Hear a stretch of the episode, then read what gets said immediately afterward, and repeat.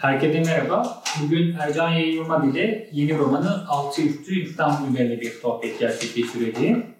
Ee, öncelikle bu akşam bizimle olduğunuz için çok teşekkürler Ercan Bey. Ben de teşekkür ediyorum. Ben kısaca e, Ercan Bey'in biyografisinden e, bahsederek bir programa giriş yapmak istiyorum. E, Kendisi İstanbul'da edebiyat öğretmeni olarak görev yapmaktadır hali hazırda. Öykü ve denemeleri İtalyanca, Fransızca ve Vietnamca'ya çevrildi bugüne kadar. Lise yıllarından başlayarak çeşitli dergiler ve fanzinler yayını hazırladı.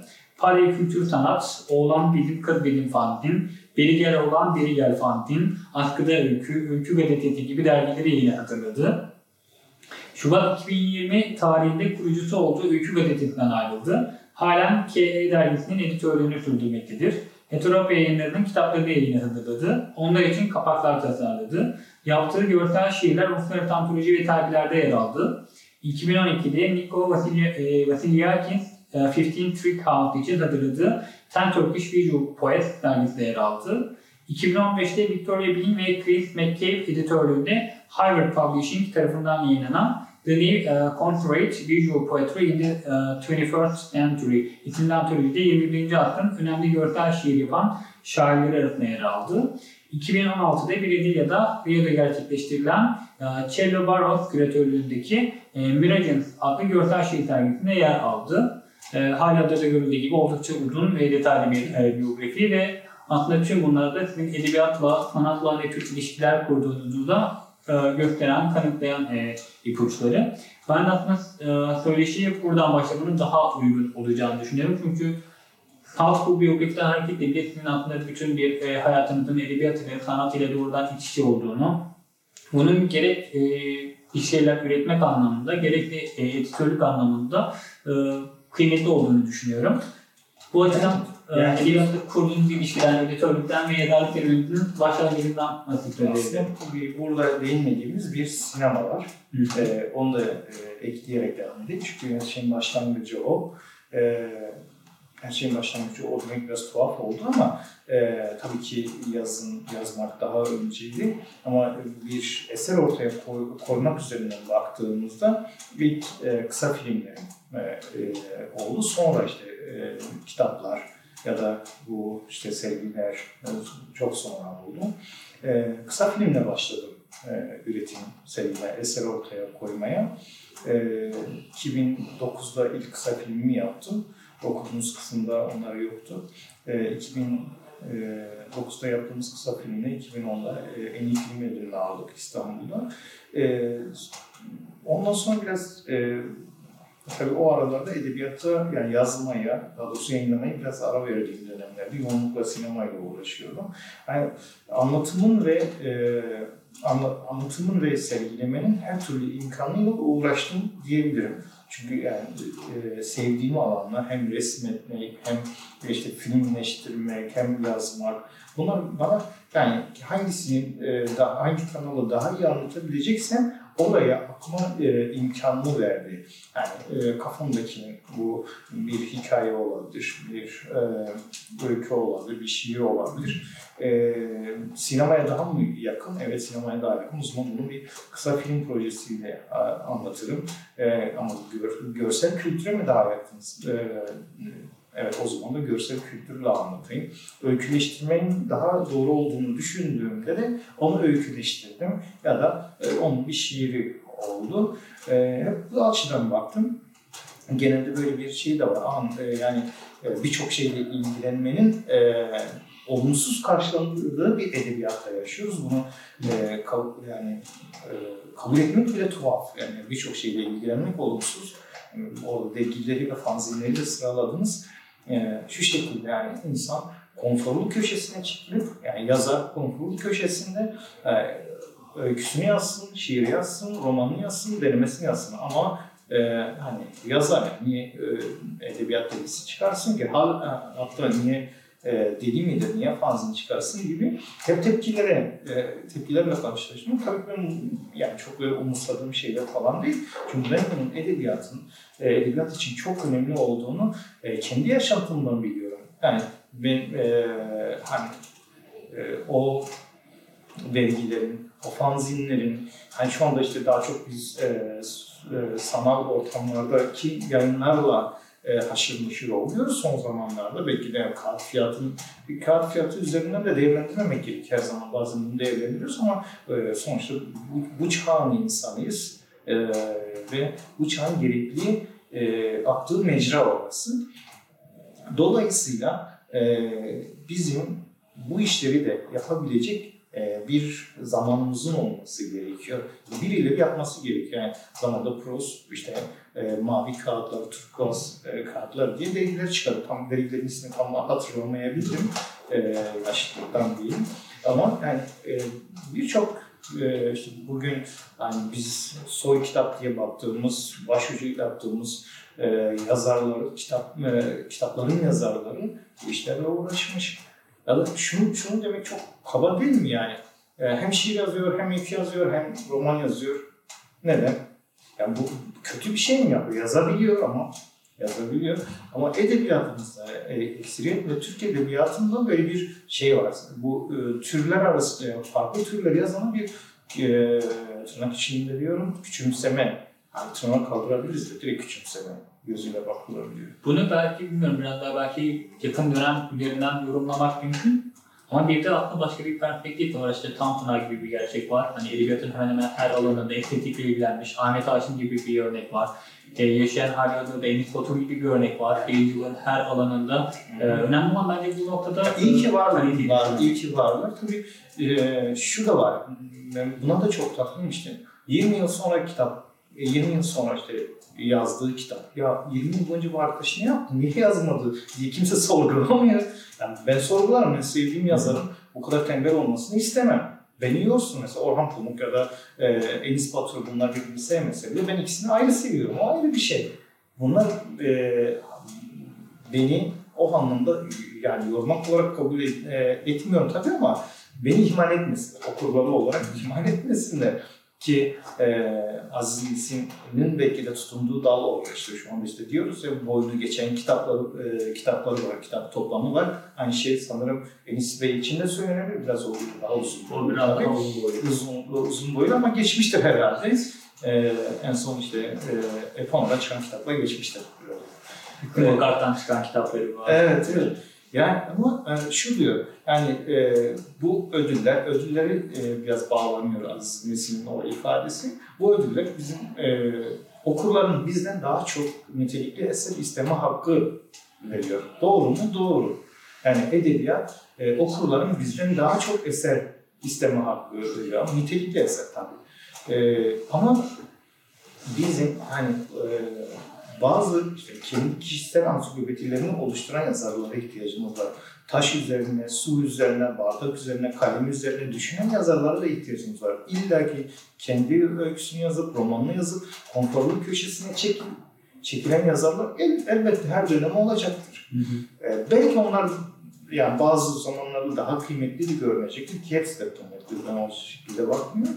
E, ama birileri e, illaki e, suyun üzerine düşünecek, metin yazacak. Birileri e, ayak bağı üzerine düşünecek, metin yazacak. Birileri saç teli üzerine düşünecek, metin yazacak. Bunlara ihtiyacımız var. Bugün işte, işte sokak köpekleri hakkında bir kitap e, gördük ve yani büyülendik. o- Ben büyülendim o kitap, o kitabı görünce ki e, birileri bunlar hakkında da çalışacak. İlla ki ben kurmaca bir dünyamı oluşturayım. Oraya sığınayım. E, ondan sonra e, imza günlerinde imzalayayım metnimi. Ya ben edebiyatımı bu şekilde görmüyorum. Yani ben kendi edebiyatımı görmüyorum. Başkaları e, vardır. Sevdiğim, takip ettiğim insanlar ama ben e, böyle bir e, edebiyatın yolcusu olmadım. Hı hı. Onun için böyle farklı alanlarda hem görsel kültür işleri, e, sinema, e, yayıncılık, Evet. e, evet, e, bu alanda işte böyle bir biyografi ortaya çıktı. Hı hı. Ya zaten bu biyografinin zenginliği de bana kalırsa e, işleri bekleyen önemli e, kaynaklardan birisi. Çünkü biz e, bu roman üzerinden de konuşacağız birazdan. Hani ne kadar çok farklı eğitimden, ne kadar çok farklı e, kaynaktan, ne kadar çok farklı eserden söz etmek aslında arka planında çok fazla işin söz konusu olduğunu ve yazarın kafasının aslında ne kadar farklı şeylerle ilgilendiğinin, odak noktalarının ne kadar çok olduğunu da bir de gösteren şeyler. Ee, bu konuya birazdan gireceğim. İlk olarak aslında biraz şeyle başlayalım. Ee, Altıyurt İstanbul'un uzun bir hikayesi var. Uzun yıllara, uzun bir döneme yayılan bir hikayesi var ve farklı şehirlere yayılan da bir hikayesini konusu. 2014'te ilk defa bu romanın fikri ve yazılma süreci başlıyor. Ta ki işte geçtiğimiz ay yayınlanana kadar 2022 bu ay içerisinde. Ee, bu kitabın serüveni nasıl başladı? Bu geçenlerdeki 8 yıllık süreçte neler oldu? Aslında 2012'de, 2014'te başladığım yani ilk bölümlerini yazdım. Hatta hatır sayılır bir e, kısımdır o yazdığım kısımlar. E, ilk, ilk ayda oluşturduğum. E, tabii e, o zaman benim sadece iki şiir kitabım vardı. iki farklı isimli birer şiir kitabım vardı. E, diğer kitaplarım daha yayınlanmamıştı ama onlar duruyor. Bitmişti yani. O öyle olmadı. Sahil, en, e, 13.00 e, henüz yayınlanmadı. Zift, işte başka bir isimle Zift. E, henüz yayınlamadığım bir roman. On, onlar da duruyordu masada. Onlar bitmişti. E, buna başladım. Onlar bitmişken buna başladım. E, benim işte yayınlamaya, kitap yayınlama çok böyle hevesim, hevesim olmadı. Yani biriktir, e, biriktirmek, yazmak, yani yazmak e, fiili benim için daha elzem oldu, daha önemli oldu. Yayınlama sonrasında zaten doğa süreci gelişecekti. E, böyle. E, ilk başladığımda tabii e, bir toplumsal bir e, şey de vardı yani orada gezi eylemleri de vardı ve çok önemliydi, çok e, yani hem gündemimizde hem tenimizde hem ruhumuzda derin e, e, acılar bırakan bir eylemlik. Hem de direniş tarihinin de çok önemli bir yerinde olduğunu e, düşünüyorum. E, ben Kayseri'deydim.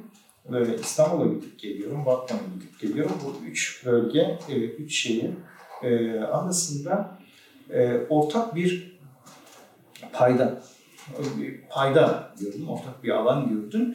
E, hepsinde de yani e, ki bahsettiğimiz üç bölgede birbirinden birçok anlamda da farklılaşan bölgeler ama o ortaklaştığı tek nokta hepsi de doğa katliamı.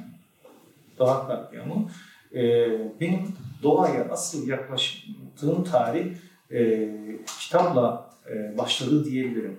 E, nasıl ki e, Adem'e ilk öğretilen şeyler nesnelerin, çiçeklerin, yani çiçeklerin, böceklerin isimleri oluyor, varlıkların isimleri oluyor.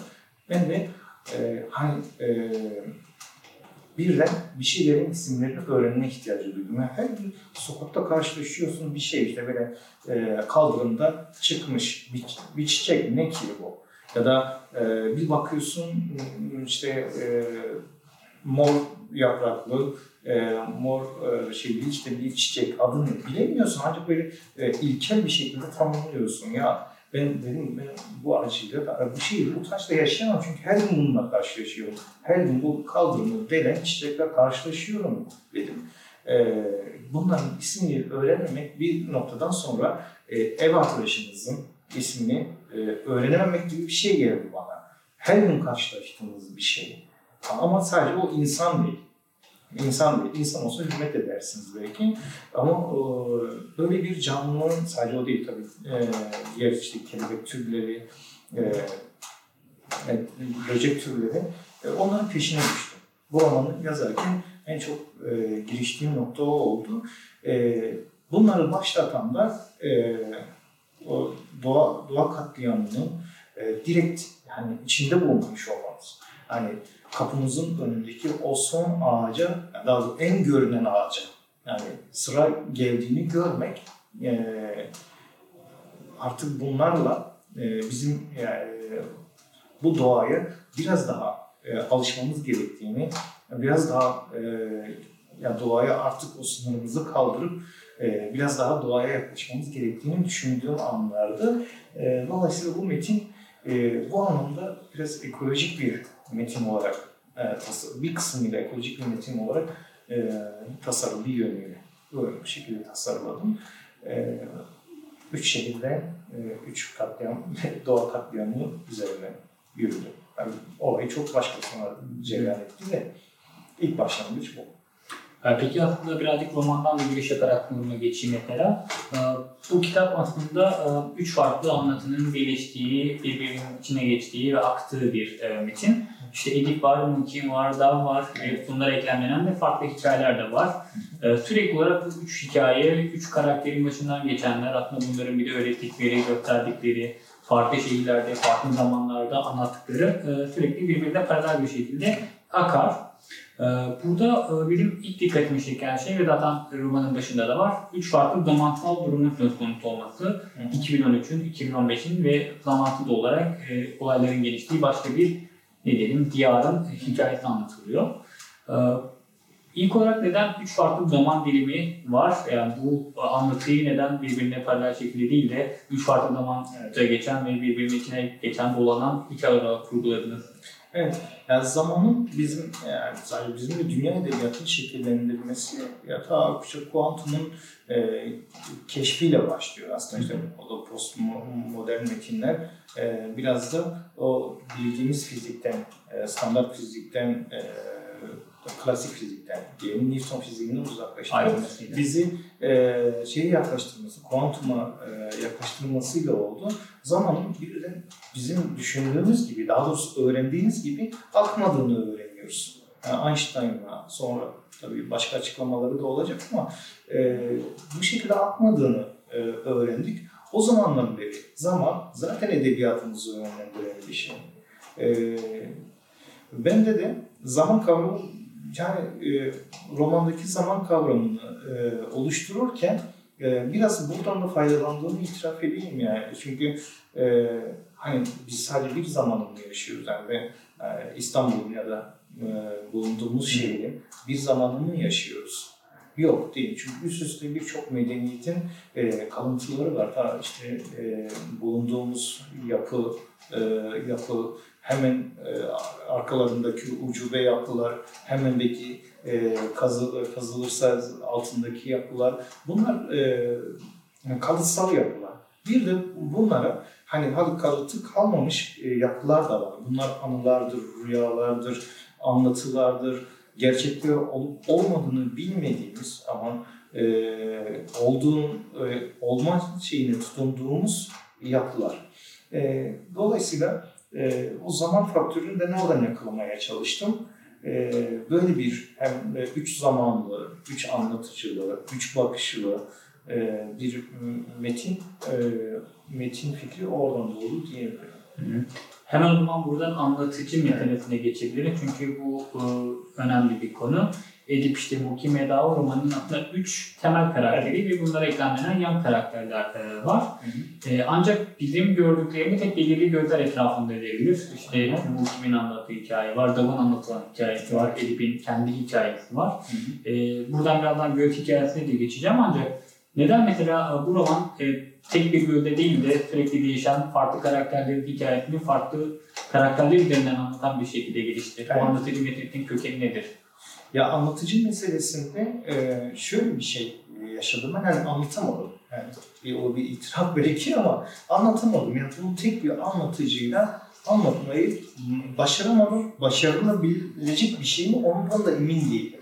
Yani ben anlatamadım. Birisi e, peki başka bir hikaye anlatılabilir ama bu bu e, metin kendi e, anlatımını ortaya koydu. Yani bana diretti. Dedi ki Ercan beni üç e, anlatıcı ve anlat, anlatmak zorundasın.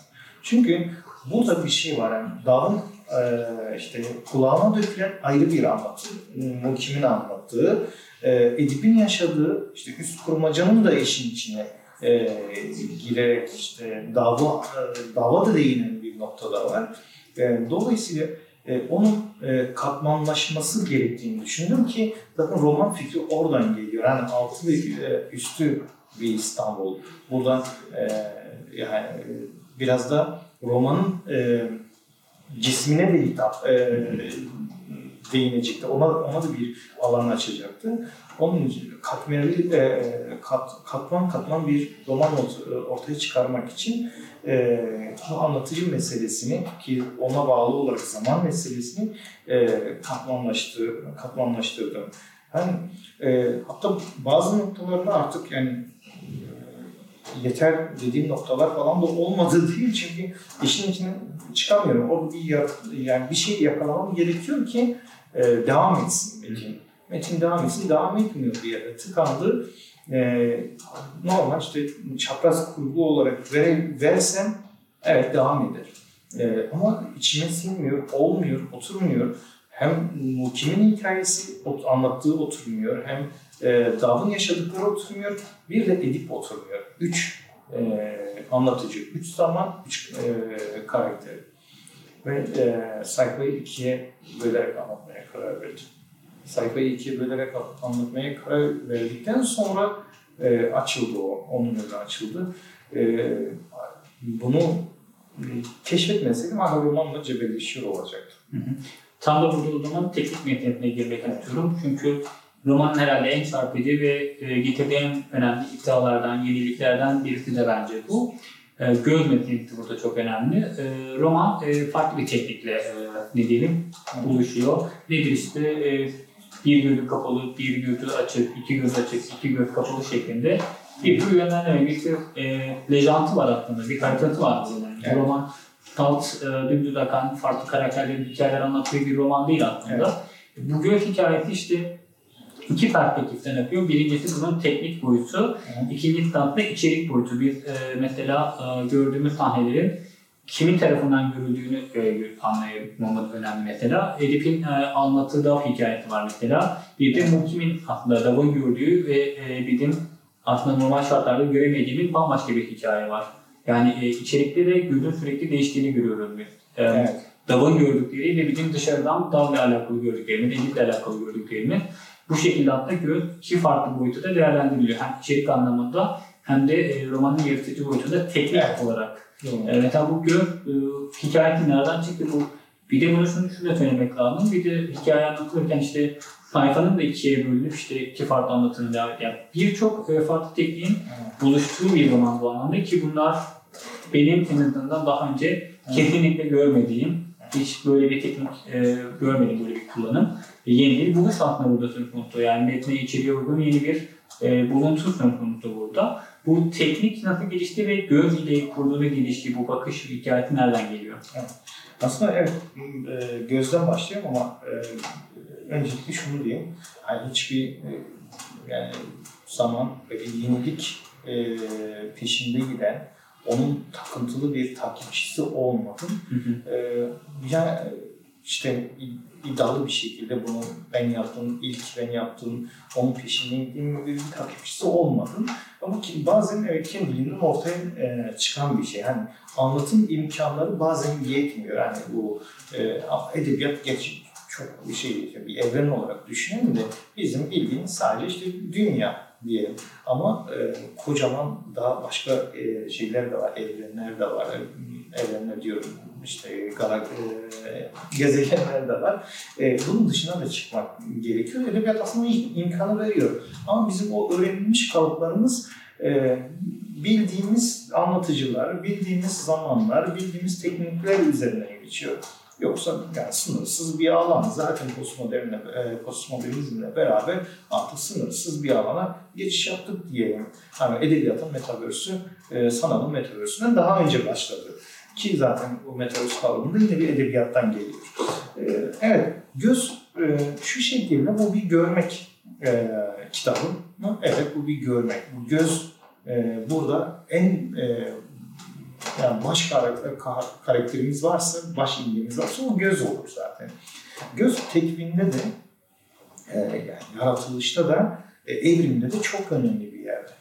Düşünün ki e, gözün e, yani henüz bir deniz canlısıyken, daha doğrusu su canlısıyken e, ilk gözümüz beliriyor. Yani insanda, insanlar tabii daha insan değil, sazana benzeyen bir şey. Keşke hep öyle kalsaydı.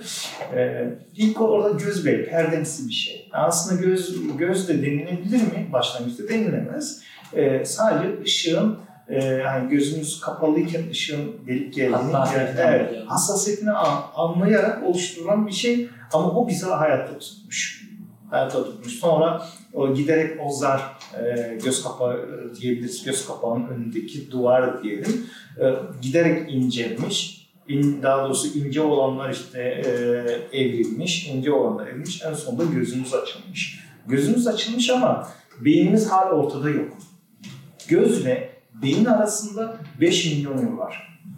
Yani gözümüzün gördüğünü anlamlandıracak bir beynimiz e, beynimiz olmadan 5 bin yıl yaşamışız. Onun için şimdi gördüklerini anlam, an, e, anlamlandıramayan beyinsizleri görünce hiç şaşırmayın. 5 milyon biz böyle alışmışız. Yani 5 milyon yıl. Şimdi yani bir 20 yıl, 30 yıl böyle bir yani gördüğünü anlamlandıramayanları görünce aa insan nasıl böyle yaşa, ay yaşamış ki bu hale gelmiş zaten. O başka bir mevzu tabii. Ee, göz onun için çok önemli. Evrimde de, tekvimde de, yaratılışta da çok önemli. Bizde bir deyim var. Senin gözünden tanıdım, yani senin e, aleminden tanıdım, dünyandan tanıdım der. Aslında orada kastettiği şey gözün. Senin gözün, gözünden tanıdım diyor. E, onu dünya olarak anlamlandırıyor. Gözün e, birçok anlamda e, o imgelerini o kitapta e, görüyoruz ki zaten e, o kitabı duyurusunu yaptığımızda ilk e, duyurusunu yaptığında e, bir e, işte e, ama bir sanatçımızın e, Aşık Veysel'in e, bir dizesiyle başladı. E, dizesiyle tanıttım, e, duyurdum. E, görmez gözlerime görün İstanbul. Yani insanın yani böyle bir dileği olur. Göze dair, görmeye dair, İstanbul'a dair, yani güzelliğe dair böyle bir görmez gözlerime görün İstanbul e, dizisiyle duyurdum. E, ki e, bölüm başlarında gene e, o şeyler, e, alıntılar genelde göz üzerine gidiyor. E, çünkü bizim görmek zorunda olduğumuz e, noktaya, yani, e, noktada anlatıyor romanı. Evet, biz Aydos'u görmek zorundayız. Biz e, Aydos'la beraber Aydos'un o ağaçlarını görmek zorundayız. Şehirde tek başına durmuş bir ağacın ne kadar hüzünlü olduğunu, ne kadar yani o nasıl diyeyim dram dram olduğunu ancak görerek bunu anlarız. Yani bir çınar ağacı ya da e, doğu çınarı bir Akdeniz seviyesinin bir sokak ortasında yalnız duruşu şu demektir yani burası ormandı biz burayı e, işgal ettik ve binaları diktik. Ha, binalarımız da binalarımıza bakıyor. Bu ağaç burada yalnız kaldı.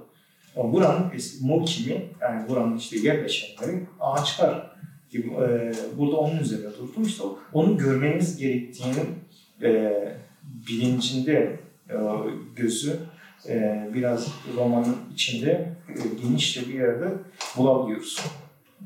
Teknik yatanlara bu noterler bir şey. Teknik, ha evet teknik teknik e, özellikle o bölüm başlarına e, gözü açık, gözü kapalı e, ya da işte e, daha çok şey sıfır dairesel ya da çizgi şeklinde e, o şeyleri koymamın bir nedeni o. Ya da İstanbul bölümlerinde iki nokta üst üste e, o da altlı üst, üstlü e, şeyi temsil ediyor. E, üç e, üç sembol kullandım orada. E, o tek, teknikte evet, daha aslında onları ben oluştururken daha da belirleyici olsun diye de çizeyim. İşte iki gözü açık, e, iki gözü kapalı ya da bir gözü açık, bir gözü kapalı şeklinde oluştururken yazmayı kolaylaştırsın diye e, yap, yapmıştım. Yani e, böyle bir çalışma kültürüm var. Bundan önceki romanında da öyle olmadı da yine benzer bir şeyler var. E, yazmayı kolaylaştırdı mı? Kolaylaştırdı. Çünkü ya, baktım okumayı da kolaylaştırıyor. Ben aldıktan sonra işte dökümünü aldım. E, ilk okumasını yaptım. E, okumayı da kolay, kolaylaştırıyor ve bir anlam katıyor buna. Daha doğrusu e, yerini buldu. O zaman bunlar orada kalsın diye e, karar verdim. E, biraz o simgelerin e, geldiği kısım o. Yani kendini orada e, kalmaya ikna ettim diyebilirim o. Yani yenilik yani özellikle tutkunu olduğum bir şey değil. E, meftunu olduğum bir şey değil. E, ama e, kendimden böyle cereyan eden olayları da kapattığım zaman o zaman bir yenilik aleyhtarı bir şey olmuş gibi olurum. O daha kötü olur. E, böyle başladı. Dalın gördükleri e, dalın gördükleri aslında gördüklerimdir, hissettiklerimdir. Orada e, yani bilemiyoruz. Orada e, yani roman romanda öyle bir açık şey açık bıraktım. Yani bıraktım ama net bir cevabı yok onun. E, çünkü hani bu şuna da benzer. Biz şu anda aslında gördüklerimiz gerçekte olan mıdır? yani bunu hep anlatırım ya e, ki e, Marcel Proust e, onu kavramlaştırmış e, rüyanın hatıraları diye. Yani aslında e, daha önce yaşadığımızı hissettiğimiz şeyler daha önce yaşadıklarımız mıdır? bağlanıyor. Belki değildir. Belki sadece rüyada gördüklerimizdir ama o kadar derin bir rüya görmüşüz ki biz bunu gerçekte yaşadığımızı düşünüyoruz. Ya da e, hani o dejavu dediğimiz olay e, yine yine gözle ilgili bir olay. E, göz gördüğünü beyine aktarırken geçen süreyi aslında o dejavu oluyor. E, teknik olarak başka anlamları falan da e, e başka şekilde de anlatabilir ama en basitinden bir şekilde anlatıyor. E, yine orada göze bağlanıyor. E, orada gördükleri, hissettikleri midir? Aslında ya da e, şizofrenik bir vaka mıdır? Onları tam olarak orada bir net bir şey ne söyledim ne de söyledim. Zaten bunlar birbirini atla devam ettiren evet. içerik biçimi belirliyor ve bunlar bir anda evet. tutuşuyor bir noktada. Ya zaten dairesel bir anlatım var. Mesela Hı-hı. burada hani dal e, şeye ulaşıyor yani en son başladığı noktaya ulaşmak zorunda. Çünkü orada bir döngü var yani. Tamamının bir döngüsü var orada. Yani dal hareket ettiği noktadan yolcu olarak başladığı noktaya ulak olarak dönmek zorunda.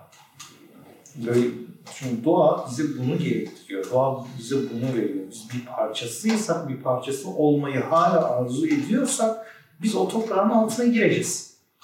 Altına gireceğiz ya da yaptıracağız kendini. Yine, yine bir şekilde doğaya dönüyorsun. Biz e, onun bilincinde, bilincinde dönüyor. O döngüsellik, o dairesellik e, romanda e, yani romanda e, önemli bir kısım olduğunu düşünüyorum. Yani daha doğrusu vermeye çalıştığım bir şey. Ya aslında tam da burada söyleyebilirim zaten. Bu roman her anlamda katman katman e, işlenen bir roman. Karakterleri de, zamanı da ve şimdi bahsetmek istediğim şeyler aslında kitabın e, ismiyle alakalı. Altı Ülke İstanbul. Şimdi burada da benim kurduğum üç temel katman var ki bunların işte ilki e, metni okuyanların daha iyi anlayabileceği e, romanda geçen işte Edip'in ve e, romanı ve Mubatı Kemal'in şiir dosyasının adı Altıyüklü İstanbul'dur. Bu birinci katmanı e, temsil eder. İkinci katman aslında dışarıdan bakılan bir gözle oldu. Altıyüklü İstanbul çok bir deyim olarak işte altıyüklü e, kitap, altıyüklü yemek gibi hani bir tür e, küçümseme tonu da ifade eden bir anlamdır. E, üçüncü bir tonda altısı üstü İstanbul adlı e, farklı katmanların İstanbul'un bir yeraltı vardır. Evet. İşte bir e, yer üstünde bir hayatı vardır. Bu anlamda üç farklı katman altında tutmuştu kitabın adıyla dahi. Mesela bu anlamda bence çok fazla çağrışıma, üzerine yorum yapmaya da müsait bir kitap adı. E, Meta kitabın adı nereden geldi? Bunu sormak istiyorum. Evet. Kitabın e, adı yani dosya adı başka bir isimdi. Yani e, aslında ben yani genelde değişmez mi diyelim ama e, Altı İstanbul'da değişti. Mukim ismiyle başladım yani bunu söyleyeyim. E, ilk yazdığımda, dosyayı ilk oluşturduğumda bu romanın ismi ne olabilir diye düşündüğümde Mukim. E, çünkü o da yine e, farklı okumaya çok e, müsait bir isimdi.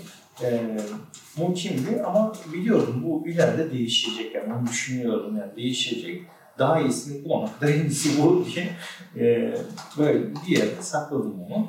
E, sonra oluştururken, e, devam ederken e, işte özellikle e, Dav'ın Aydos'undan başlayıp Dav'ın dadına, e, Muki'nin dadına indiğimde e, alt ve üst faktör ama şunu da yap, ya, e, söylemedim. Hangisinin altta hangisi üstte olduğu kesinlikle şey değil.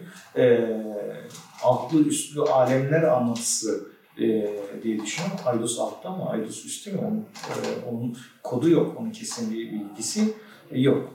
E, işte bu da zaten kesin bilgisi o olması durumunda acaba küçümseye e, o iki başka bir okumaya da e, imkan veren küçümsemeye gider mi endişesini başlıkta yaşadım. Onun onun için net olarak şeyi veremedim, veremedim. Altlı üstlü hangisi altta hangisi üstte. Ama, e, romanın ilk kapağına baktığımızda yani altlı üstü eğer mesela daha yani bir tasarımcı gözüyle aynı zamanda tasarım da yapan bir gözüyle baktığımda daha bir e, kıvrımlı harfler ya da daha bir, e, olsaydı evet dediğimiz o diğer okumaya da müsait olurdu. Ondan dolayı biraz endişem vardı aslında. Yani olabilir, o da olabilir sonuçta. E, roman ona da e, e, imkan verir, edebiyat bu. E, onun için biraz daha e, e, dik e, hatlar, e, sivri hatlı bir yazı fontunu e, rica ettim. E, ki zaten e, bu ortaya çıktı. Yani e, o diğer okumayı aslında e, imkan vermemek e, vermemek için aslında bir şeyler yaptım. Ama oldu mu onu bilmiyorum. Oluyor çünkü işte bu aslında bu tasarım, bu anlamı, bu yorumu daha arka Evet. plana atıyor. Sadece bir tür katman olarak bundan Doğru. bahsetmemde demin de oluyor ki bu da işte tasarıma gerçekten Alt amacını üstü alemler anlatısı diye yani, e, altlı yani bir lejantı olursa altlı üstü alemler anlatısı derdim e, yazdırırdım alta. E, çünkü bu ya da ya, başka bir katmanda da göz anlatısı derdim. Bu, buna da imkan veriyor çünkü şey e, gözün merkezde olduğu bir e, anlatı. Ee, şimdi açmak istediği bir e, başka konu da hacim meselesi. Yani bir kitabın hacim aslında çok önemli bir yerde fark edilebilecek bir mesele midir? Yani bu Evet. tartışma hani hacim bu anlamda çok önemli bir konu başlığı değil. Evet. Ancak e, son dönemde benim dikkatimi çeken bir konu var. İşte Faruk Duman'ın Sus Barbaçosu 3 kocaman cilt halinde. Her biri zaten 500 sayfalık e, önemli bir eser. Şule Gürbüz'ün işte yeni yayınlanan kitabın ikinci Kıyamet iki ciltten oluşan e, toplamda 809 sayfayı bulan e, devasa bir eser. E, İşte Sidin Altürk'ta İstanbul'un gene e, 463 sayfalık devasa bir eser bir anlamda hacim olarak. İşte son dönemde Orhan Pamuk'un daha önceki romanlarında da hacimli eserler var. Son romanı Veba Geceleri gene hacimli bir eser. Yani bu anlamda hatta Sidin diğer kitaplarında baktığımda bu kadar hacimli başka bir eser yok. Yani bu bir e, ne diyeyim bir tür eğilim mi var yakın dönemde? Yani bunu kim yorumlar? Şimdi e, ben e, yorumcu olsam şuna bağlardım. Öncelikle pandemiye bağlardım. Mesela ya işte zaman tanıdı. Zaman var. E, zamanlar yazarların e, işte yazdılar. İşte bir cilt, iki cilt uzun uzun yazdılar. E, evde kalmanın e, getirdikleri. Ama şimdi yorumcu olsam dışarıdan baksam bu şekilde düşünüyorum ama şu anda içeride bunun e, şeyi, muhatabı ben olduğum için e, ilk bana kapalı gün, e, kapak geldiğinde yayın evinde yani ar- arka, ön ve sırt beraber görüyorum. Ben orada bir yanlışlık olduğunu düşündüm. Yanlışlık olduğunu düşündüm. Hatta sordum galiba. Sordum yani dedim ki şurada bir yanlışlık var. Çok geniş alınmış dedi. E, Yok dedi 460 sayfa falan. E, Yani bir şey diyemedim. Çünkü hep şu iddiadayım işte e, cümle, lafı kısa tutmak, lafı kısa tutmak, sade e, e, anlatmak. Aslında laf da çok uzun değil aslında. Değil, evet. O şey Ee, sonra böyle diğer kitapların yanına koyduğumda e, şey, yani Birkaç kitaba denk düşecek hepsine düştüm denk yani bu hep e, böyle bir hacim e, şeyiyle karşılaştım. E, ben de şaşırdım yani şimdi o tabii yazan benim ama Word'de görünce daha başka oluyor. E, burada e, ama dediğim gibi pandemiye bağlanabilir mi? Bence ba- bağlamayayım ama bağlamayayım. bu bağlanmadı. Bu bağlanmaz. Ee, diğer arkadaşlarınkini bağlayalım. Onlarınki de bağlamayalım ama şöyle bir şey var aslında. Son zamanlarda hani e, Twitter'ın ilk e, 140 karakteriyle başladığı dönemde e, hep artık uzun anlatı yazılmayacak.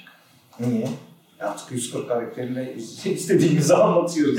Bir Zaten denize 140 karakterle anlatıyoruz. E, tamam da daha öncesinde de zaten birkaç karakterle anlatıyordum. Ya da sesi sinemayla bile anlatıyordum. onu Yani. Şimdi tutup da e, artık uzun uzun yazılamayacak. Twitter döneminde artık uzun yazılamayacak gibi şeyler falan. İşte bir insanlar- dönem dosyalar falan yapıldı bir şekilde. Ama hangi insanların şeye ihtiyacı var. Yani artık uzun tasvirler tabii ki ihtiyacı yok. Yani Artık evet. biz e, Notre Dame'ın kamburunda o Notre Dame'ın yani tasvirlerine ihtiyacımız vardı. Çünkü onu görme olasılığımız çok çok düşüktü. Hani bir Google'dan şu anda yazıp aratabiliyoruz ki o imkan olsa eminim bu kadar uzak e, yani geç çok böyle hacimli bir kitap da değil ama yani e, kitaptan yarısını atardı büyük ihtimalle. Değil mi? Çünkü gerek yoktu öyle bir şey. Ve yeni e, eserlerde e, bahsettiğim işte sadece Batus'u okudum. E, şöyle daha okuyamadım yine çıktı zaten. E, Orhan Pamuk'un zaten dediğim gibi diğer kitapları da bu şekilde. E, onu okudum. E, hani böyle uzun tasvirler falan da yok. Böyle bir şey de yok. E, o anlatım bence edebiyatın e, edebiyatın biraz da bu yönünün de var. Yani kitaplıkta görünebilir hacimli e, eserleri okuyacak hala e, okurları da var. E, bunu da ihmal e, etmemek için yazarlar e, kendilerini çok böyle az yazayım ya da kısa yazayım yayın evinde çok böyle e, kabarık etiketli bir şeyle e, uğraştırmayayım. Da uğraştırmayayım. Evet. Yoksa yani 80-90 sayfalık kitaplar da olabilir. Ee, burada bunları söyleyebilirim ama başka ne söyleyebilirim bilmiyorum. Bir de şey benim e, aklımda... Aslında daha uzun kitabım da bir sonraki olacak. Özür dilerim. Onu da, onu da söyleyeyim. Yani bir sonraki şu anda yazmaya çalıştığım, yaz çalışacağım bir roman. Asıl orada onu uzun deneyecektim. Bu yine kısa olacaktı. Yine kısa gerçi. Çok uzun değil ama e, şimdi e, biraz e, yani o yaklaşık işte 900 bin sayfa arası e, tek ciltli bir şey olacaktı. Ama şu anda daha girişmedim. Bekliyoruz da heyecanla. Ya mesela burada benim şey de dikkatimi çekiyor. Bu İstanbul medeniyeti. Şimdi İstanbul'dan bir bahsettik aslında işte Burhan Sönmez'in İstanbul İstanbul var. Orhan Pamuk'un yarattığı bir İstanbul var. Tanpınar'ın var. Kemal Tahir'in İstanbul var. Ya bir de çok güzel. Bambaşka İstanbul. Birbirinden çok farklı. İşte şu bir İstanbul, Temel Kaygısu'nun İstanbul'u, e, Fatih'in İstanbul. Herkesin bambaşka bir İstanbul e, gördüğünü ve diyebiliyorum ki bunların birçoğu İstanbul'u kitabın hükmüne de taşıyan e, önemli metinler. İşte yakın dönemde Burhan Sönmez bu anlamda iyi bir örnek. Hı. Bu da mesela 600 İstanbul'da da bir yine başka bir İstanbul'da karşılaşıyorum. Neydi? Bu yeri kurmaca, yeri gerçek İstanbul. İşte e, Dağlı, e, Edipili, veterinerli, bambaşka biçimler alan bir İstanbul. Mesela siz Ercan, Yılmaz, Ercan Yılmaz'ın İstanbul'un nasıl tanımlar ve İstanbul kitabın kafana taşınacak, başına taşınacak kadar nasıl bir özne haline geldi. Doğru. Şimdi İstanbul'da benim ilişkim yani bir tablodan ibaret. Yani başlangıcı e, tablodan ibaret. E, yani 4 yaşlarında e, amcamın duvarında gördüğüm Boğaz tablosu, e, köprü tablosu. E, ilk İstanbul'da orada görüyorum e, ve hani seviyorsun, o şeyi seviyorsun, köydesin, bir şey görüyorsun, yapı evler üst üste yani şey olarak köyde sadece iki kat görüyorsun kerpiç evler. Orada evleri üstüne görüyorsun, işte gökdelen görüyorsun, köprü, aa iki tane şey kıta var onları bağlayan bir şeyler görüyorsun, deniz görüyorsun, iki denizi birleştiren bir şey görüyorsun. E, anlamlandıramadığınız için o çocuk gözüyle bakın onun için şey falan diyorum. ya, ve tabii bu büyülüyor insanı. E, beni büyüledi diyelim. Yani, e, beni büyüledi bir gün e, bir iki sene yani ya, ya 5-6 yaşındayım e, karar verdim İstanbul'a gideceğim. Batman'ın Aydın Konak köyünde e, yola çıktım. Yürüyerek. Gel yürüdüm yürüdüm yürü Allah yürü yürü Allah yürü. Bir yere vardım Ankara market yazıyor. İyi dedim yolu yarladım. yol, yolu yarladım ama yani şey biliyorum haritayı, haritayı biliyorum yani. E, Yön olarak. Evet. Tam merkezde ya. Evet. Yol yarladım dedim, dedim. Biraz dinlendim ama devam ediyorum. Evet, sokak ne, hangi sokağa çıktığını bile bilmiyorum. Yürüyorum, işte köyden merkeze gelmişim daha. Yürüdüm yürüdüm, İstanbul büfe. Büfe, evet. İstanbul ya tek ya büfe öyle bir şeydi. Ah dedim İstanbul'a geldim. Ondan sonra aynı yollardan eve döndüm. Ee, şey diyorum, şey, neredeydin? Babam neredeydin? Ya, önce Ankara'ya gittim, sonra İstanbul'a gittim. Şimdi geldi inandır adam. İnanmadı. O benim çok zoruma gitti. ya vallahi diyorum. Yani ilk önce Ankara'ya sonra İstanbul'a gittim. Amcalara uğrayacaktım ama nerede olduklarını bilmiyordum. Döndüm yani İstanbul'a. İstanbul'a gittim o. Onu kabul ediyorum. Sonra deprem zamanında e, bir ay önce yerleştik. Yerleştim İstanbul'a, geldim İstanbul'a. O zaman lise öğrencisiydim. Depremi yaşadım. E, o, buraya e, boyacı olarak geldim. E, yaklaşık işte hem Beşiktaş, Sarıyer, Tuzla, birçok yerde yani binanın dış cephelerini boyadım. Onun için İstanbul'a bir hizmetimle dokundum. Biz boyacılar kendilerinin estetik yani işte biz boya estetisyeniyiz. O gözle bakıyoruz. Yani şey kalıpçı gibi değiliz biz, duvarcı gibi değiliz. Bir Evet, tamam. Tabii canım. Renklerle boyalarla. Biz o gözle baktığımız için biraz böbürlenerek yani şey İstanbul'un o zaman e, hani öyle onda birini ben boyadığımı hatırlıyorum yani. Onda birini boyadım. E, İstanbul'da emeğim yok. Ondan sonra e, ayrı bir anekdot şey diyeyim. İlk kitaplar çıkıyor işte yaz romanının zorlukları falan. Bir yazı romanının zorlukları. 13. katta iskelede e, şey işte e, bir kolunda işte pürmüz, bir kolunda e, orta boy e, tüple 13. kata böyle çıktım. O pürmüz dedim, indirdim sonra boyadım dedim. Ve bana böyle zorluklarla gelin. E, şimdi işte bir öykü kurmak bana o kadar zor gelmiyor e, demiştim. E, işte İstanbul, benim İstanbul'un o boyadığım İstanbul. İşte Sarıyer, onun için e, şey, Sarıyer'i e, daha e, bu kadar katletmemişken orada yaşadım. E, ya da işte Haydos bu kadar e, daha açılmadan e, orada yaşadım. E, işçi olarak yaşadım orada. E, orada inşaat işçisi olarak yaşadım. E, dolayısıyla İstanbul'un e, o e, dağın yaşadığı o şeyi e, iş, işçiliği de yaşadım.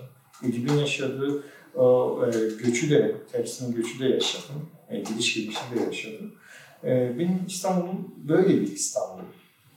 E, yani e, gidip gelmeli bir İstanbul. Sonra tayinim, e, işte meslekten dolayı tayinim bakmama sonra Kayseri'ye çıktım. Her sene dinliyorum İstanbul olacak mı? Olmuyor. O İstanbul olacak mı? İstanbul olacak mı? Olmuyor. En sonunda dedim yani artık olmasa da meslekli mi olurum? E, daha tayin, şey, tayin olmadan geldim İstanbul'a yerleştim. Tayin sonradan geldim. Artık bir noktadan sonra ya İstanbul ya yok. Hatta onu anlatmayayım. Devam edelim. onu anlatmayayım. Tamam. Ee, burada e, doğa ile insan arasındaki ilişki İstanbul'da da Evet. bahsettik. İşte romanın ana odak noktalarından birisi. İnsanın doğaya girdiği mücadele veya onunla nasıl iç içe geçtiği, bu aslında zaten İstanbul'un da bütün bir hikayesi. Doğayla nasıl bir ilişki kurdu. Çünkü bütün medeniyetlerin belki de temel noktalarından birisi doğayla kurulan ilişki. Doğanın şehre nasıl adapte edildiği, şehirlerin doğayla nasıl kurgulandığı, işte doğayı dışlayacak mı, onunla iç içe mi geçecek, işte farklı örnekler var burada. Ee, hayali bir metin olarak İnva ve İnvalılar da bu anlamda önemli bir noktada duruyor. Ha, Çünkü İnva'nın e, şehirler tarafından diyebileceğimiz e, yıkılma hikayesi, İnvalıların e, kendini öte dünyadan soyutlamaları ve orada hani bunlar da evet bu İnva'da yaşayan insanlar İstanbul'dakilerle, dışarıdakilerle ilişki içerisinde e, oraya gidip geliyorlar, yaşıyorlar, işte iş yapıyorlar. Ancak günün sonunda hep İnva'ya geri dönüyorlar ve mevcut yaşamlarını işte o yaşamı hiç sektirmeden o oraya devam ediyorlar. Bu anlamda önemli bir e, ne diyelim çarpışma söz konusu şehir ve İnva arasında işte e, bir tür bir e, ayrılık söz konusu. E, mesela burada bu İnvalılar ve işte Dağ gibi, Par gibi, Sar gibi karakterler kendilerini bu şehirden soyutlamayı nasıl başardılar? Evet. E, gibi İnva e, diğer ismiyle, yani uzun ismiyle İnce Vadi. E, içinde e, bir vadi, e, yedi evden oluşan bir vadi, bir kulübeden oluşuyor. Küçük bir köy. Küçük bir küçük bir yer, küçük bir mezra aslında olabilecek bir şey ama tabii İstanbul'da mezra ya da köy diye bir, şey, bir kavram yok. En büyük bir işte Kadıköy. Öyle. Ama bu, bu insanlar şehre iniyor. Yani şehri biliyor. Ee, orada eğitim görüyor. Yabancı Evet, mi? orada askerlik yani işte şey başka şehirlerde askerlik e, yapıyorlar ya da üniversiteyi, e, alışverişi, mezarları hepsi şehirde. Ama İnva onlara kalmış son yer, son kale. İn, e, İnva onların e, sığına, sığındığı son son nokta. Artık hani bir şey de bu bit- bitmiş yani. Bu. E, çünkü aslında bugün yaşadığımız şeydir bu. Hani elimizde bir avuç bir, bir toprağımız kaldı. Şimdi bak nefes alabileceğimiz bir şey yok. Bugün işte yani çocuğumuzu dolaştıralım ya da gidip e, sevdiğimizle bir yerlere dolaşan bir doğayla baş başa kalalım desek yani komşularla baş başa kalıyoruz. Komşu apartmanlarla baş başa kalıyoruz. Böyle bir yer. İnva bunun içindeki işte son nokta. Ee, ve o son noktanın da kaybedilmesi üzerine e, bir metin orada gelişiyor. Ee, İstanbul'a adapte, e, adaptasyon e, yine e, insanın eylemi ve insanın yaratılışı üzerine hangisine inanılıyorsa artık e, onlara kalmış, okura kalmış. Yani insan, insan sonuçta alışıyor. Hangi zorluğa alışamamış ki insan da diyebiliriz. E, ya da e, e, birçok süreçten geçmiş. E, bu Adaptasyon özelliği güçlü bir var. Evet, adaptasyonun çok güçlü bir varlığız. Yani varlığız, hemen alışıyoruz. Ee, Şöyle de ve İstanbul arasındaki o çapraz ilişki bundan kaynaklı. Bundan kaynaklı. Ee, ama şimdi Aydos, İstanbul ya da başka ormanlarda da aynı e, durumlar yaşanıyor. E, yani son noktalar bunlar.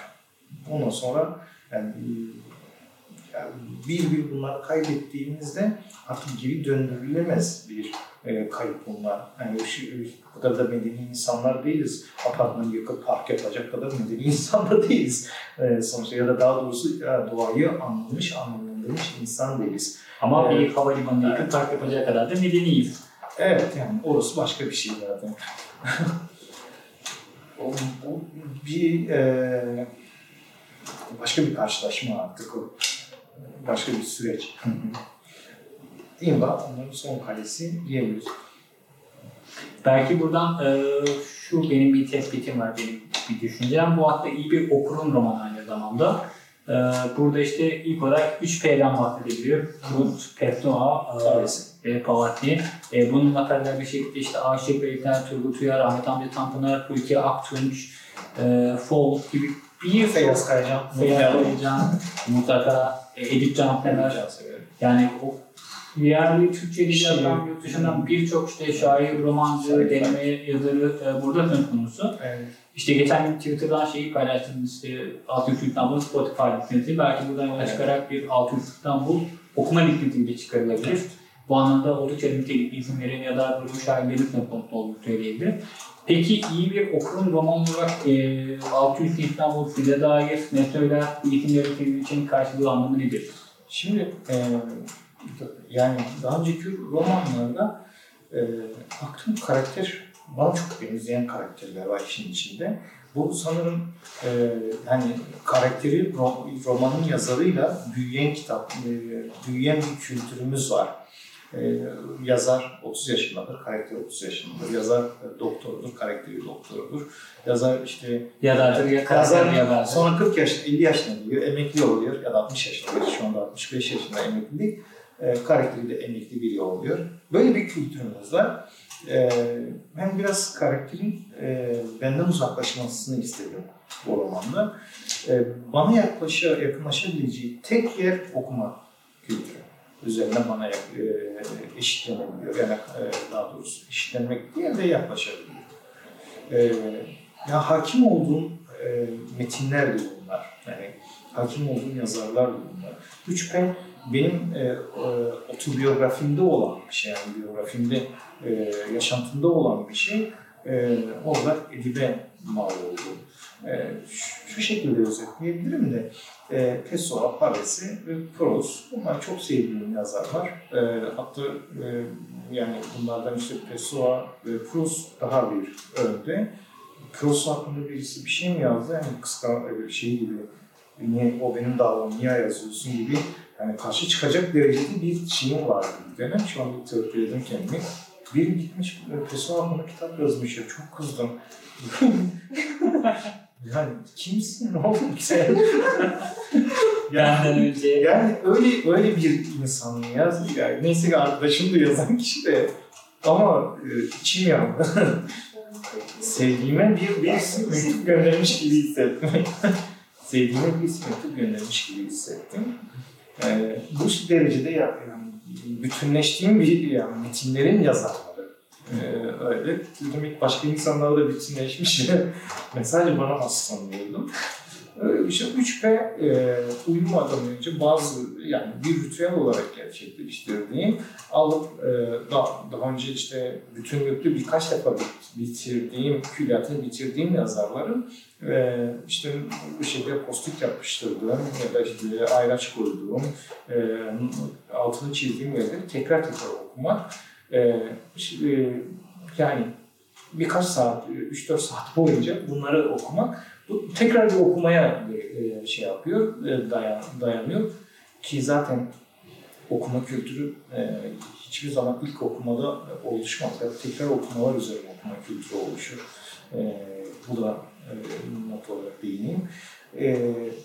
Ben aslında işte buradan Pessoa'yı, e, Proust'u çekeyim. Proust'tan devam edeyim. Yani Proust'un biz metnine baktığımız zaman şunu e, görüyoruz. Çok iyi bir denemecinin romanı. Ama çok iyi bir romancının denemesi. Orada bir böyle bir şey var. Ayrım. Böyle bir ayrım var ama ikisi de doğru. Yani ikisi de doğru. Evet. Pessoa e, hazır ve günlerle e, başlamış. Belki istediği tatmine, başarıya ulaşamamış. Yani görece olarak e, e, ulaşamamış, ulaşamadığını düşünmüş. E, sonra çevirilerle ve denemelerle de devam etmiş. E, romanlı e, romanını durdurmuş, taslak olarak bırakmış bir yazar. Ama deneme, deneme anlamında çok iyi denemeleri var. Tartışılan denemeleri var. Döneminde canlı olarak tartışılan denemeleri var. Böyle bir yazarken e, kayıp, e, Slavların tarafını yazıyor. Sonra işte diğer kitapları geliyor. E, yedi ciltlik bir e, aslında bir hazine ortaya çıkıyor. Ve her bir e, kitapta toplam ya işte 12 kaç kere 12 kitap 13 kitap mı tek tek kitap olarak yayınlandığında kaç kitap olduğunu hatırlamıyorum. Şimdi yanlış bilgi vermeyeyim. Sonra bizde işte şu anda 7 cilt olarak veriliyor.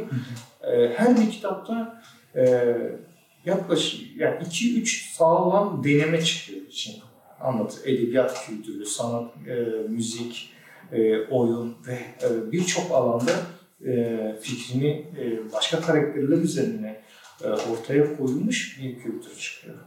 Bana o e, o kitap e, bu toplam benim için her zaman şey oldu yani büyüleyici olmuştur. Yani sadece yani, söyleşinin başına bir konforlu köşeden bahsettik ya. E, Frost hiçbir zaman konforlu köşesine çekip e, yazmamıştır. Bu şekilde davranmamıştır. Uğraşmıştır. E, sanatla, sanatın diğer alanlarıyla müziği çok iyi bilir. E, resmi çok iyi bilir. E, zaten psikolojiyi çok iyi bilir. E, biliyor, kitabından e, biliyoruz. Dolayısıyla benim yani beni etkileyen romanlar bunlar olduğu için demek ki ben de okuma e, kültürümü e, bu kitap içinde ver, vermiş diye bakıyorum. Şu anda işte e, bu şekilde yorumluyorum bunu. E, yani başka zaman olsa belki şunu şunu yapardım. E, böyle bir okuma kültüründen gelmemiş olsam bunlar benim e, kitaplarım ve beni ben yapan kitaplar. Ben bunları vermeyeyim, biraz onun kıskançlığıyla vermeyeyim e, gibi de düşünebilirdim. Ama e, açık açık işte açık beslendiğim, beslendiğim yazarları koydum, Folus'u koydum. E, ki mesela Paulson kitaplarından sonra e, koleksiyoncudan sonra kelebek isimlerini öğrenmeye çalıştım. Bu bana en büyük katkısı bu oldu Paulson. Çok severim. Her metninde okudum. Yani diğerlerinde öyle. E, ya da Paulson ağaç, e, Proust'tan ağaç isimleri ki zaten isimler üzerine iki tane uzun şeyi var, bölümü var. Memleket isimleri, isimleri, isimleri gibi e, isimler. E, böyle bir kültürün, e, okuma kültürü varken e, bunlar da kitaba yansı, yansıdı. İlmek yansıyor. İsimlerden bahsetmişken aslında buradaki romandaki karakterlerin isimlerinden de bahsedebiliriz. Çünkü güzel bir konu var yine burada. Hı hı. Ee, doğayla iç içe geçmiş Nimorların hiçbir zaman hayattayken onlar hı hı. isimleri tam olarak anlamılmaz. Onların sadece evet. gecelerin bilgileri. Onların isimleri ancak öldükten sonra tamamlanır ve o şekilde anılmaya başlanır. Bu oldukça yine bence enteresan güzel bir e, konu başlığı. Ee, bir de ancak onlar öldüğünde işte bir davın isminin, gerçek isminin ne olduğunu ancak dav artık aramızdan ayrıldıktan sonra öğrenilir. Mesela bu da yine yani enteresan bir konu başlığı. Bu nereden geliyor? Bunu Bu yine e, bir e, felsefeden, e, kinizm felsefesinden e, hareketle oluşturduğum bir e, gelenek. E, kinik yaşamlar. Yani kendi, ya kısa birçok şekilde anlatabiliriz de en kısası e, şu şekilde anlamlandırıyorum. Yani kendine yetenle yaşayan. Bu aslında doğada e, tüm canlılar bu. Kendine yetenle yaşıyor. Bizim gibi e, şey işte e, kuzuyu kesip de buzluğa, difrize doldurmuyor yani. Hiçbir varlık yani çok azıyla, belki çok azını gömen bir şey var. O da e, işte yavrulayacağı dönemde e, bazı e, hayvanlar bunu yapabiliyor. O biriktirme kültürü kendine yetenden fazla bir ayakkabıya ihtiyaç duyuyorsa bir ayakkabı. Yani ihtiyacı, yani onunla yaşam sürebiliyorsa o yetiyor Yeter. ona. Yeter. O biraz hem doğaya zaten e, doğaya dönük bir eser bu. E, onların da e, bu karakterlerde iki isimlerle iki harf ve üç harfle yaşayabiliyorlar. Yaşayabiliyorlar. Dolayısıyla hala hayattayken ve e, kendilerine e, yetenden daha fazlasını kullanabilecek bir e, biyolojileri varken isimlerini o, o gelenekten kaynaklı kısa tutuyorlar. Aslında biraz da kendilerini ne derler ona? Kendilerini terbiye etme yöntemi. E, kendilerini terbiye etmeleri bu şekilde e, sağlanıyor. Ölümünden sonra ölümden sonra artık kendilerine yetenden daha fazlasını tamah edecek durumlara kalmıyor. Artık orada e, duruşma bitiyor ya da işte e, skor yazılıyor. Bitti. Bitti. Artık isminin tamamına erebiliyor. Maç sonucu isminin tamamına erebiliyor. Artık istese de kendinden e, yetenden fazlasını alamaz. Hatta artık o doğaya e, bir besin alıyor. Ondan dolayı. E, ben düşüncem bu- bunun üzerine kurdum. İkinizin felsefesi üzerine ki ikinizin de e, bu topraklarda e, yaşayan bir e, felsefe. E, Şunu belki ben de aynı zamanda söyleyebilirim. Ben de şeyi diye düşündüm. İşte hayat bir oluşumdur aslında.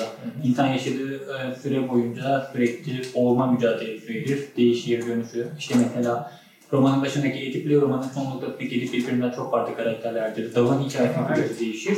Ancak e, isim de böyle bir şeydir. İşte o isim de hep bir tekniktir. İnsan öldüğünde artık hayat tamamlanmıştır. Artık oluşum tamamlanmış, iyi, kötü bir şekilde bir nihayete ermiştir ve artık isim de tamamlanmıştır. evet aynı bu, bu da var için. E, isim mevzusu e, o şekilde. Başka nasıl bakabiliriz? Başka sorun neydi? Evet şu anlattığında orayı kaçırdım. Ee, isim Yine isim, yine isim evet. Yani isim mevzusu bu. Yani tamam tamamlama ama he, evet Edip dedi. Edip'in e, değişimi çok önemli. Yani çünkü e, karşılaşım, yeni karşılaşmaları olan, Evet. karşıtlıkları olan bir karakter olan e, Dav'la tanışıyor. Indra e, sakinleriyle tanışıyor. Kev. E, evet, Kev'le tanışıyor. E, Babasıyla belki tanışıyor daha. Evet ki, ki zaten en büyük tanışık, tanışıklık babasını yeniden tanıma. Evet, burada yeniden tanımayı kullanabiliriz. Ee, tanışıyor. Çünkü aslında Edip şu, şöyle bir şey yani tamamlanmamış bir e, karakter. Tamamlanmıyor ve tamamlamak için bu tanışıklıkların üzerine gidiyor. Yani doğaya bir ilgisi var mı? Aslında o da tam bir değil. Yani tanıştıktan sonra, tanıdıktan sonra insanları e, bunun savunucusu oluyor. E, edebiyata ilgisi var mı? E, var ama Kev'le tanıştıktan sonra daha bir Gelişiyor. E, her şeyi onu tamamlıyor. Kendi tamamlayan peşinden gidiyor. İşte tweet atıyor, tweet'i ilgi görmeyince silen e, bir, e, bir karakter. İşte doğa üzerine tweet atıyor. Ve işte e, gezi üzerine ya da e, Aydos'u üzerine, Aydos'un katliamı üzerine ilgi görmeyince silen bir karakterken kendini bu işin merkezinde buluyor. E, o tamamlan, onu tamamlayacak bir şeyler ihtiyacı. Doğanın e, her bireyi gibi e, böyle bir e, bir böyle bir yönü oluyor. E, Dal onu tamamlıyor bir yönüyle. Serdar onu başka bir yönüyle tamamlıyor. E, ya da Kev onu aşk yönüyle tamam, ta, tamamlıyor. E, Kemal Yeraraz onu e, baba oğul ilişkisi ve e, usta çırak ilişkisi o alanda tamam tamamlıyor. E, aslında Dav'ın e, serüveni, pardon Edip'in serüveni bu, bu yönde gidiyor. Hı hı. Tam da o zaman madem Baba Oğul'dan da işte biraz bahsettik. Şeyden devam edelim. Bu romanda da iki farklı ve ilginç şekillerde değerlendirilecek olaylar neti var, ilişkiler var. Bunlardan biri işte bir baba oğul hikayesi, diğeri de bir anne oğul hikayesi.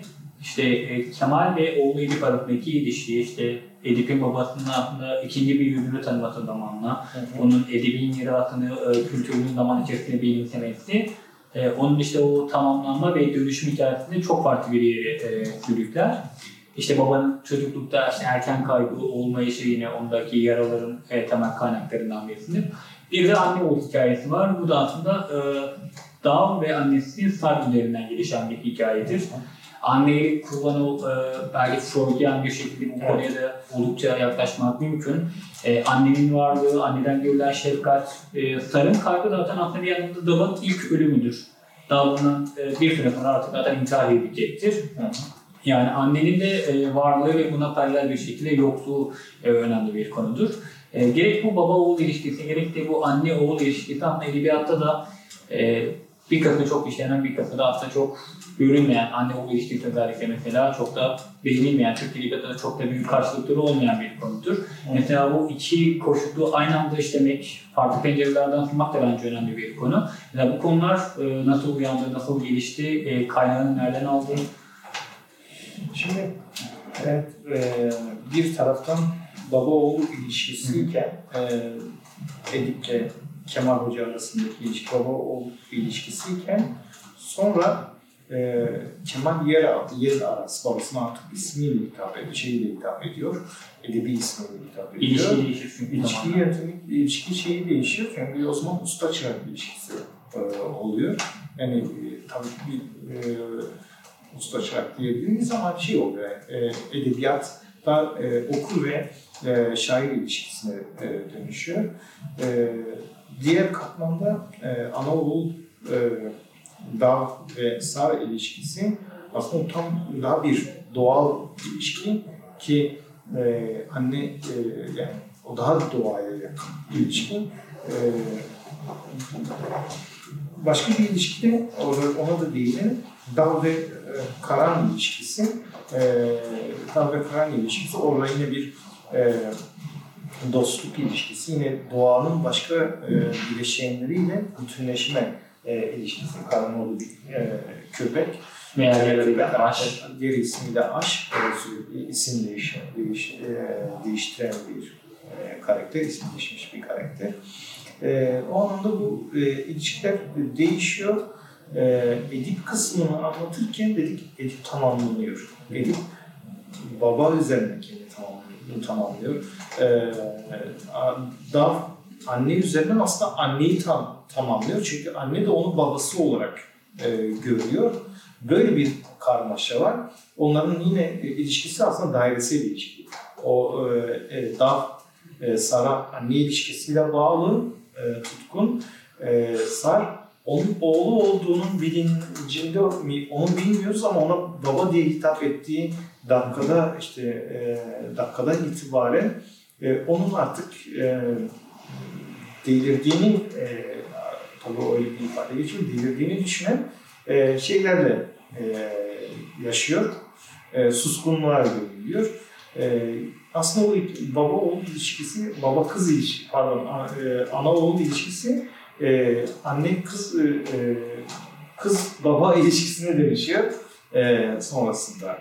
Yani o iki, iki yanı bir araya bitirdiğimizde baba oğul, baba e, Ana oğul. ana oğul o yine bütünlüyor. Burada e, yine e, Dav, Dav'ın çünkü sonuçta bu Dav'ın e, yazdığı bir metne dönüşüyor nihayetinde. O da bir bütünleme, kendi bütünleme durumu. Dav annesi, Elif annesinden dolayı biraz müstarip, değil mi? Biraz e, annesinden kaynaklı bir şeyleri var. E, babasını tam tanıyamama, Evet. babasını e, yaşarken tanıyamama, ba- babasının hatta babasının bazı şeylerinden annesini suçlama gibi e, bir durumu var. E, bu metinde E, dolayısıyla dalı e, annesi üzerine tanımlayacaktı.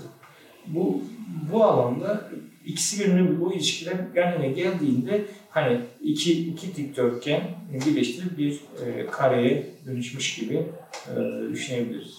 Burada ben Katmanları birleştiriyoruz. Kendine birleştirdim yani. Hatta bütün bir roman hikayesi de burada biraz Evet, aynen. Şeyden dolayı. Başta her şey çok farklı, çok birbirinden ayrı. Zamanda bir paralel birleşiyor. birleşiyor ve roman artık sona erdi, tamamlanmış bir şeyle karşılaşıyordu. Bu da aslında bütün bir romanın serüveni olarak da bence yorumlanabilecek bir konu. Burada mesela e, benim dikkatimi çeken konulardan birisi de kurmaca ile real hayatın bir araya gelmesi, birleşmesi. E, burada işte en temel konulardan birisi işte Kemal Hoca'dan bahsederken mesela iyi bir örnek mesela bu işte bu bir hayali karakter, kurmaca bir karakter. Ancak bu kurmaca karakter bilim real hayattan bildiğimiz birçok isimle beraberdir. İşte Hulki Aktunç ile beraberdir, İlkan Sever'de, Cemal Süreya ile beraberdir. Bunlarla aynı dergilerde, aynı gazetelerde yazmış, şiirleri yayınlanmış, dostlukları kurmuş. İşte hatta Hulki Aktunç'ta işte ikinci kuma hayatı gibi ekbirler de var. Bu anlamda hani e, ilişkiler yedirilmiş birbirine ve iç içe getirilmiş. Öyle ki aslında bir nokta okur olarak neyin gerçek, hangi karakterin gerçek, hangi karakterin kurmaca veya bunların bir tarihsel kökeni var mı gibi sorularla da karşılaşıyorum ki bu bence aslında tam da işte okuru bu e, ayrıma düşürmek bence romanın gerçekçiliğinden ve başarısından gelen bir şey. Çünkü bir şüphe uyandırması burada önemli bir şey. Mesela kurmacayla e, real hayat bir nasıl bir araya geldi? Bu dilin diğer metinlerinden de yola çıkılarak konuşulabilecek önemli bir konu gibi geliyor bana. Şimdi e, hayalle gerçeği ya da gerçekçiyi bir araya getirmenin belli kodları var, belli şeyleri var. Orada e, nasıl çok bir yap, yapay durmaması için gerçeğe ihtiyaç duyuyorsunuz. Gerçeği, e, gerçeği burada kullanıyorsunuz bir şekilde. E, şöyle diyelim, biz e, bir fil sürüsü uçuyordu dediğimizde çok havada kalan bir şey olur bu. Ama sayı verelim nasıl aynı şekilde mi duracak? 28 fil uçuyordu dediğimiz zaman aa, o zaman daha bir gerçeğe yaklaşmış oluyor. Ama e, onun belli kodları var. Bu gerçekle hayat, e, gerçekle hayali birbirine bağ, bağlamak için ger, gerçeğin e, yeminli şahitlerine ihtiyacımız var. Bu yeminli şahitler rakamlar bazı durumlarda sayılar olabiliyor. Bazı durumlarda gerçekte yaşanmış şeyler olabiliyor. Bir gazete küpürü olabiliyor. Ee, bir toplumsal bir e, tabi kaldığımız bir nesne olabiliyor. Ee, burada ben e, dönemin e, dönemin edebiyatçılarını bu şekilde e, ger, o kurmacanın ger, realitesini sağlamlaştırmak için e, iç içe e, verdim ki e, o dönemde bir şairse ve iyi şiirlerde yazdığını düşündüğüm bir şairse e, karakterim, işte, karakterimiz Kemal Yara Aras bununla da mutlaka bir ilişkisi olacaktı. E, ya mutlaka işte e, Hulki Bey'e değin, değecekti, e, Feyyaz Kayacan'a değecekti ya da e, akademisyene değecekti. Bu şekilde bir, bu bağlantıyı e, bunlar üzerine kodla, e, kodladım. Ben burada belki son soruma geçebilirim. O aslında biraz romanın artık sonuna doğru e, olaylara dahil olan bir gece direnişi hikayesi var. Bu romanın merkezinde e, var olan bir konu değil aslında. Romana işte o tarihten süreç içerisinde eklenen ancak içerikleri bütünleşen bir konu. E, işte aslında ayrılıkta yaşananlar, İlma'da yaşananlar da aslında başka bir girdidir. Evet. Geride bunun artık bir tür gene e, az önce bahsettiğimiz real hayattaki bir karşılığıdır. Kurmaca evrenin gene e, birleştiği noktalardan birisidir bence bu. E, ve e, bunu da aslında bir side story yani bir yan hikaye olarak okumak mümkün. Çünkü romanın merkezinde aslında gerinin bu anlamda büyük bir rolü yok bu anlamda. Romanı roman yapan şey bu olaylar silsilesi değil. Ancak yine e, Gedi direnişi etrafında e, bir araya gelen, birleşen bir topluluk, bir insan, e, bir direniş hikayesi var. E, Dağ da bunun e, bir anlamda bir parçası oluyor. Edip işte Kevli bir parçası oluyor. Veteriner Elma da bunun bir parçası oluyor. E, bu anlamda işte bu yan hikayeler, bu yedi direnişi kendinde bu roman ve bunun tarihsel süreci içerisinde nasıl bir karşılık buldu? Şimdi Gezi orada tabii dediğiniz gibi yani orada bir yan karakter, yan olay bile değil. Çok böyle e, merkezde olmasını istemediğim bir şey ki merkezde merkeze otursam onu belki de gezinin e, ruhuna da biraz bir e, şeyin dokunurdu, e, zararım dokunurdu. E, daha doğrusu teyzesinin de olabilirdi. E, bu anlamda yazılan metinleri de okudum yani. Mesela o dönem e, bunu yazdığımda Gezi daha sıcaktı, yaşanıyordu. Gezi bir iki sene e, süren bir olguydu. E, ama e, sıcak sıcağına yazılan birçok şeyi de okudum. E, çok yani aralarında bir iki öyküyü, bir öyküyü, bir romanda bir parçayı sevmiştim. Ama diğerleri bana göre çok kötüydü. Ha, çok kötü olmasının nedenleri vardı. Nedenleri anlatma isteği ilk defa Türk Edebiyatı'nda e, ön plana çıktı. Hemen ben bu derdimi anlatayım isteği toplumsal bir durumda. Ve daha tamamlanmadan. Daha tamamlanmadan ben bunu bir şekilde ulaştırayım, şiirle ulaştırayım, öykümle ulaştırayım. Orada bir kanal olarak, araç olarak kullanması yazar e, uzun zamandır ve Kurtuluş Savaşı'ndan sonra ilk defa yaşanmış bir şey. Yani e, Türk Edebiyatı'nın biraz batı cephesinde e, diyelim. E, onun için kötü ürünler ortaya çıktı. Oradaki hassasiyet başka ayrı ama. E, dolayısıyla bu kötü örnekleri e, okumuşken, bilmişken ki o zamanlar Gezi Edebiyatı üzerine bir e, yazı bir yazı kalemi alıyordum. E, hepsini okuma ihtiyacı duydum. E, sonra baktım ya geç, bir yere kadar kötü bir şeyi bir yere kadar okuyabiliyorsunuz. Yani e, Devam okuyamadım yani sonrasını okudum çünkü berbat ötesi şeyler. İki öykü güzeldi. Bir romandan bir kısım güzeldi. Diğerlerini gerçekten kağıt israfı denilebilecek şekilde berbat, iğrenç. Kendimi alamıyorum. Şimdi o dönem, o güne takılır. Geleyim. Ya Allah'ım ya bana neler yaptın. Neyse öyle. Ee, ben hani, ve bunun kodları var, nedenleri var. Nedenlerini bildiğim için, nedenler nereden biliyorum? 90'larda yaşadığımız şeylerden dolayı. O zamanlarda işte coğrafyanın acılarını anlatacağım, iğrenç iğrenç şeyler yazan arkadaşlarımız, eşimiz, dostumuz ama tek bir nedeni var, tek bir şeyi var, amacı var.